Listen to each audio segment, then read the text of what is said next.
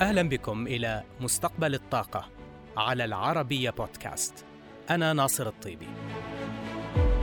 نسعى في هذا البرنامج إلى المساهمة في الحوار الدائر حول عملية التحول في مجال الطاقة عالمياً نحو مستقبل خال من الانبعاثات يضمن أمن المناخ وأمن الطاقة.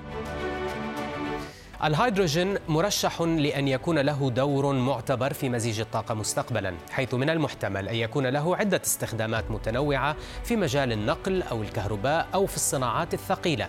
هذا ما أكده مدير عام الوكالة الدولية للطاقة المتجددة السيد فرانشيسكو لاكاميرا متوقعا ريادة منطقتنا لهذا القطاع مستقبلا. الهيدروجين سيكون له دور مهم. وهنا يجب الإشادة بالإمارات التي عرضت في COP 26 خارطة الطريق للهيدروجين 2050 الهيدروجين مهم جدا لتكملة مصادر الطاقة المتجددة التي ستكون أساسا لنظام الطاقة الجديد لما يتميز به كونه وقود نظيف والقدرة على التخزين. لذلك يمكن للهيدروجين أن يكون وقودا للاقتصاد على المدى الطويل في المواصلات والصناعات الثقيلة التي يصعب كهربتها. كما يمكن أن يكون له دور في استقرار الشبكة الكهربائية من خلال التخزين وبالتالي له دور مهم.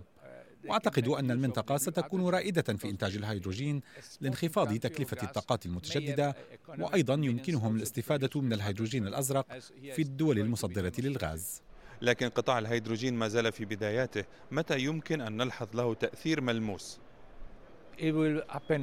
تأثير الهيدروجين في قطاع الطاقة سيكون أسرع من المتوقع، لكن الأهم هنا هو وجود الطلب وليس المنافسة والإمدادات، لذلك يجب أن نكون قادرين على إيجاد الطلب بالإضافة إلى وضع المعايير التي تجعل التجارة فيه أكثر شفافية وكفاءة.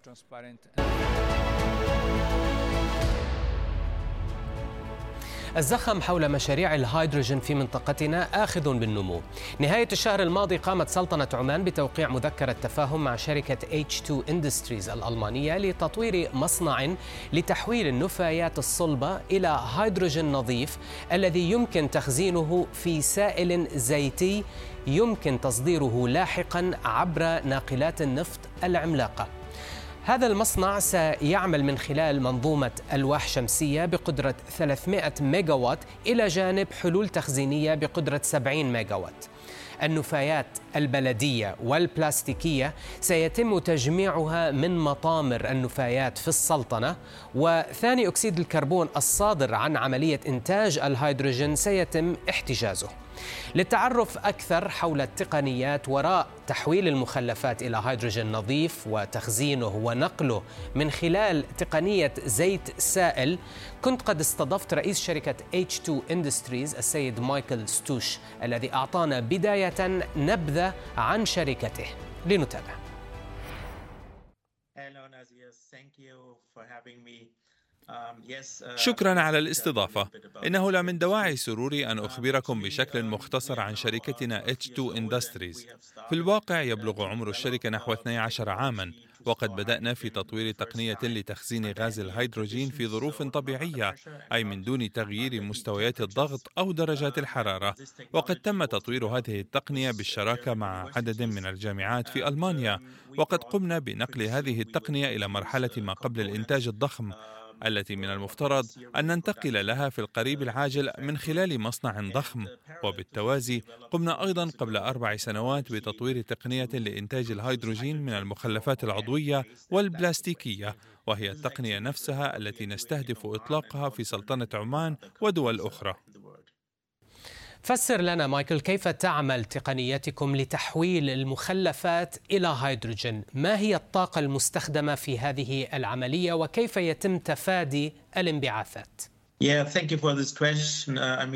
شكرا على هذا السؤال لأنه من المهم جدا أن نعي بأن تقنيتنا هذه لتحويل المخلفات إلى هيدروجين ليست شبيهة بتلك القديمة التي تحول المخلفات إلى طاقة عبر إحراقها تقنيتنا لا تقوم بحرق أي شيء.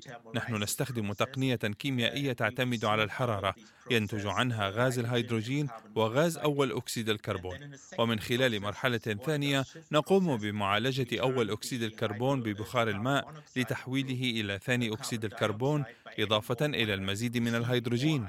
بعد ذلك نقوم بفصل الهيدروجين عن ثاني أكسيد الكربون ووضع الأخير في خزانات إلى جانب تخزين الهيدروجين في ناقل عضوي سائل للهيدروجين بهدف تصديره. بالإمكان أيضا أن نقوم مباشرة بدمج الهيدروجين مع ثاني أكسيد الكربون لإنتاج أنواع وقود اصطناعية مثل الديزل البيئي أو وقود الطائرات المستدام. فبالتالي يوجد لدينا احتمالين اثنين كنتيجة لهذه العملية. بالتالي هل ما ينتج عن تقنيتكم لتحويل المخلفات إلى هيدروجين هل هو غاز هيدروجين أخضر أم هيدروجين نظيف؟ نحن نسميه هيدروجين أخضر لأنه لا ينتج عنه أي انبعاثات جوية حيث أن ثاني أكسيد الكربون يتم احتجازه. عالميا ليس هناك معيار محدد بعد ولا حتى في الاتحاد الأوروبي. لتعريف ما هو أخضر أم لا. هذا الأمر ما زال تحت النقاش لكن الهيدروجين الذي سننتجه سيذهب أبعد من الأخضر وذلك لأن عملية إنتاجه تخلص العالم من النفايات والمخلفات. يمكننا حتى أن نسميه هيدروجين أبيض. إلى أي درجة مايكل تشكل مكونات المخلفات الصلبة المستخدمة في عملية تحويلها إلى هيدروجين؟ إلى أي مدى تشكل عائقا لإنتاج هيدروجين عالي النقاوة؟ وهل ستكون هناك ضرورة لمعالجة مسبقة للمخلفات الصلبة قبل عملية التحويل لضمان كفاءة أعلى في عملية الإنتاج وزيادة إنتاجية الهيدروجين؟ The purity of the hydrogen has nothing to do with the waste. أولا نقاوة الهيدروجين المنتج لن تكون لها علاقة بالمخلفات. على كل حال نحن سنقوم بفصل النفايات قبل أن نعالجها. وذلك لأننا لا نريد أن ينتج عن عملية المعالجة أي مخرجات أخرى عدا ثاني أكسيد الكربون. لكن نقاوة الهيدروجين المنتج لن تتأثر. سننتج هيدروجين بدرجة نقاوة تبلغ خمس درجات وبالتالي ممكن استخدامه في أي خلية وقود. الهيدروجين المنتج من المخلفات تستطيعون تخزينه ونقله عبر ما تسمونه ب OHC أي الناقل العضوي السائل للهيدروجين. اشرح لنا مايكل أكثر عن هذه التقنية وكيف يمكن مقارنتها بوسائط أخرى لتخزين ونقل الهيدروجين كهيدروجين الغاز أو الميثانول أو الأمونيا آه، أو الغاز هيدروجين المسال. هذا أيضا سؤال جيد جدا لأن مميزات تقنية تخزين الهيدروجين عبر الناقل العضوي السائل LOHC ليست معروفة للجميع فهي التقنية الأكثر أمانا والأقل تكلفة مقارنة بالتقنيات الأخرى مثل الأمونيا أو الهيدروجين المسال أو غاز الهيدروجين. كما أن تخزينه كميثانول سيتطلب حرقه لاحقا عند استهلاكه وهذا سينتج عنه انبعاثات أما الهيدروجين المخزن في الناقل العضوي السائل فعند إطلاقه لا ينتج عنه أي انبعاثات سوى الماء وبالتالي فهي التقنية الأقل تكلفة كما أنه يمكن استخدامها عبر البنى التحتية القائمة حاليا.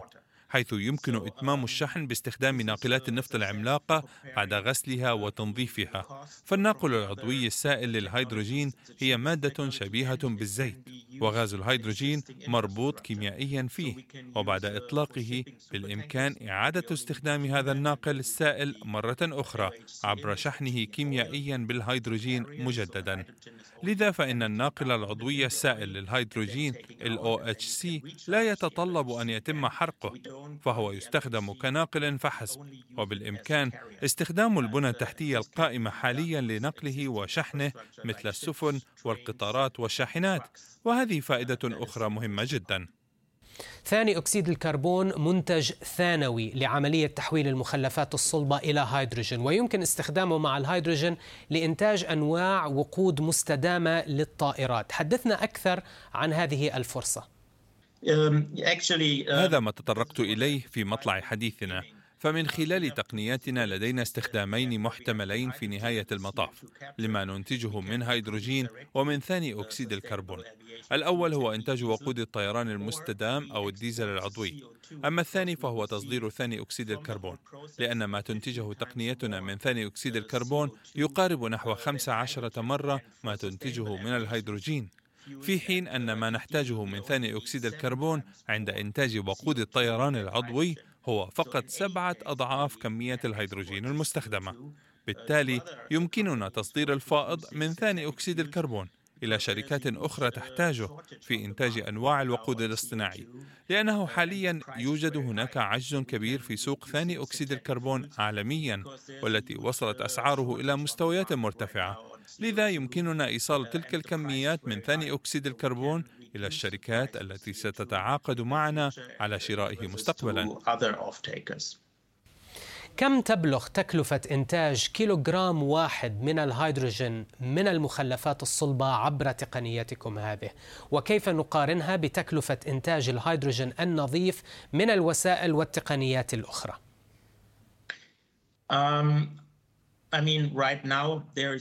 حاليا لا توجد هناك كميات معتبرة بعد يتم إنتاجها من الهيدروجين الأخضر. والأسعار مرتفعة جدا. نحن نتحدث هنا عن تكلفة تتراوح ما بين 5 إلى 7 دولارات للكيلوغرام. في الواقع الأسعار الحالية غير واضحة. لكن بالنسبة لتقنياتنا فنحن نتوقع أن تتراوح تكلفة الهيدروجين الأخضر عندما نبدأ بإنتاجه من مصانعنا عامي 2024 و2025 ما يتراوح ما بين دولارين إلى ثلاثة دولارات للكيلوغرام. ونتوقع انخفاض هذه التكلفة من مصانعنا بحلول عام 2030 إلى أقل من دولار واحد. أما التقنيات الأخرى التي تعتمد على أجهزة التحليل الكهربائي للماء فما زالت باهظة الثمن حاليا والتوقعات تشير إلى تراجع تكلفتها إلى نحو أربعة دولارات بحلول عام 2025 بعد ذلك لا نعلم مدى الانخفاض المحتمل في تلك الكلفة. فالأمر يعتمد على أسعار أجهزة التحليل وهناك العديد من الدراسات والأبحاث التي تحاول استشراف تلك التكلفة. لكن ما نحن متأكدون منه هو أن تكلفة منتجنا ستنخفض بحلول عام 2030 إلى أقل من دولار واحد للكيلوغرام. هناك الكثير من الزخم حول الهيدروجين الأخضر والنظيف في المنطقة العربية من المغرب ومصر مرورا بالإمارات والسعودية وحتى عمان. كما أن الاتحاد الأوروبي قد يعجل من استخدام الهيدروجين الأخضر مع تخفيف اعتماده على الغاز من روسيا. ولكن هل تلمس هذا الزخم واقعا على الأرض؟ وما هي رؤيتك للهيدروجين الأخضر حتى عام 2030 Actually, um, في الواقع نحن في مناقشات مع معظم دول منطقة الشرق الأوسط وشمال إفريقيا حتى ما قبل وقوع الحرب في أوكرانيا. بالتالي الاهتمام بالهيدروجين الأخضر موجود. وستتسارع وتيرته بكل تأكيد بسبب الحرب حيث بدأت أسعاره بالارتفاع لكن أمر تطوير إنتاجه سيتطلب سنوات عدة وكل الدول سواء في المنطقة أو خارجها ستحاول إنتاج وتصدير الهيدروجين الأخضر. لذا نحن اليوم نتحدث مع أكثر من 30 دولة في الشرق الأوسط وأفريقيا ونرى أن الهيدروجين الأخضر سيكتسح أسواق المنطقة. فبعد عدة عقود سيصبح كل ما نتحدث عنه هو الهيدروجين الأخضر فحسب. لا شيء غيره. أخيرا مايكل لقد تحصلتم على موافقة مبدئية على مشروع مماثل في تحويل المخلفات إلى هيدروجين أخضر قرب قناة السويس في مصر. ما آخر التطورات حول هذا المشروع؟ وهل هناك مشاريع أخرى قادمة تعملون على الفوز بها في منطقتنا؟ بالنسبة لمشروع تحويل النفايات إلى هيدروجين في شرق بورسعيد فالمشروع يسير قدما حيث أكملنا دراسة الجدوى ونتوقع قريبا بدء عمليات تطوير المشروع في مصر. حيث نتطلع لبدء الإنتاج ونسعى لتطوير مشاريع مماثلة في دول أخرى حيث نقترب من إعلان مذكرات التفاهم معها والتي نتوقع الإعلان عن بعضها مع عدد من تلك الدول خلال الأسابيع المقبلة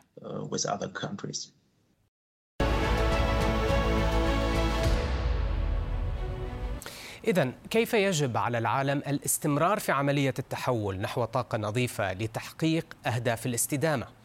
رئيس شركة الخدمات الصناعية بيكر هيوز السيد لورينزو سيمونيلي يرى بأن الأمثل هو تنويع مصادر مزيج الطاقة عالميا بغض النظر عن المصدر حيث أن المهم بحسب رأيه هي طريقة إدارتنا للانبعاثات. الأوضاع العالمية الحالية جميعها تعيد التأكيد على أهمية أمن الطاقة كما أنها تشير إلى ضرورة تنويع مصادر الطاقة وتأمين مزيج متنوع منها. وفي هذا الإطار نرى فرصة مستقبلية متنامية للغاز المسال إلى أوروبا قادما من دول أخرى. وهذه فرصة سانحة في ضوء سعي الدول لتحقيق استقلالية وأمن الطاقة. وما هي الفرص التي تراها بيكر هيوز في أوروبا والتي قد تستثمر فيها؟ حاليا في أوروبا هناك اهتمام كبير في زيادة قدرات إعادة التغويز وفي الحصول على وحدات إعادة التغويز العائمة. وفي المقابل الآخر نحن مقدم كبير لخدمات التسهيل والغاز الطبيعي. في رأينا هو وقود عملية التحول. كما أنه سيكون وقودا في المزيج النهائي. ونحن نتوقع أنه بحلول عام 2030 سيكون هناك حاجة ل 800 مليون طن سنويا من قدرات تسييل الغاز. وهذه تشكل فرصة كبيرة لنا للمشاركة في عدد من تلك المشاريع المتسارعة حول العالم لتحويل الغاز الطبيعي إلى غاز مسال قطاع الطاقة يواجه تحديات عدة وخصوصا النفط والغاز وبعد العقوبات الغربية على روسيا كيف سنشهد العرض والطلب مستقبلا؟ أعتقد بأنه على المدى القصير سنشهد حالة تقلب حادة وهذا قد يؤثر على الطلب ولكن على المدى الأبعد فإن الصورة الكلية لا تتغير. هناك تزايد في التعداد السكاني عالميا وبالتالي نمو في الاستهلاك وبالتالي سيكون هناك حاجة للمزيد من الطاقة والأمر هنا لا يتعلق بمصدر هذه الطاقة.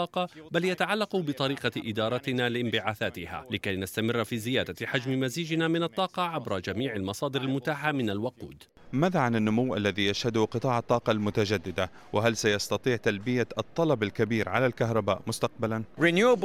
الطاقات المتجددة بمفردها لن تستطيع تلبية الطلب حول العالم وبالتالي من الضروري أن يكون لدينا مزيج متنوع من الوقود وهذه هي أهمية التنويع بأن يكون بمقدورنا أن نستخدم النفط وأن نستخدم الغاز والغاز المسال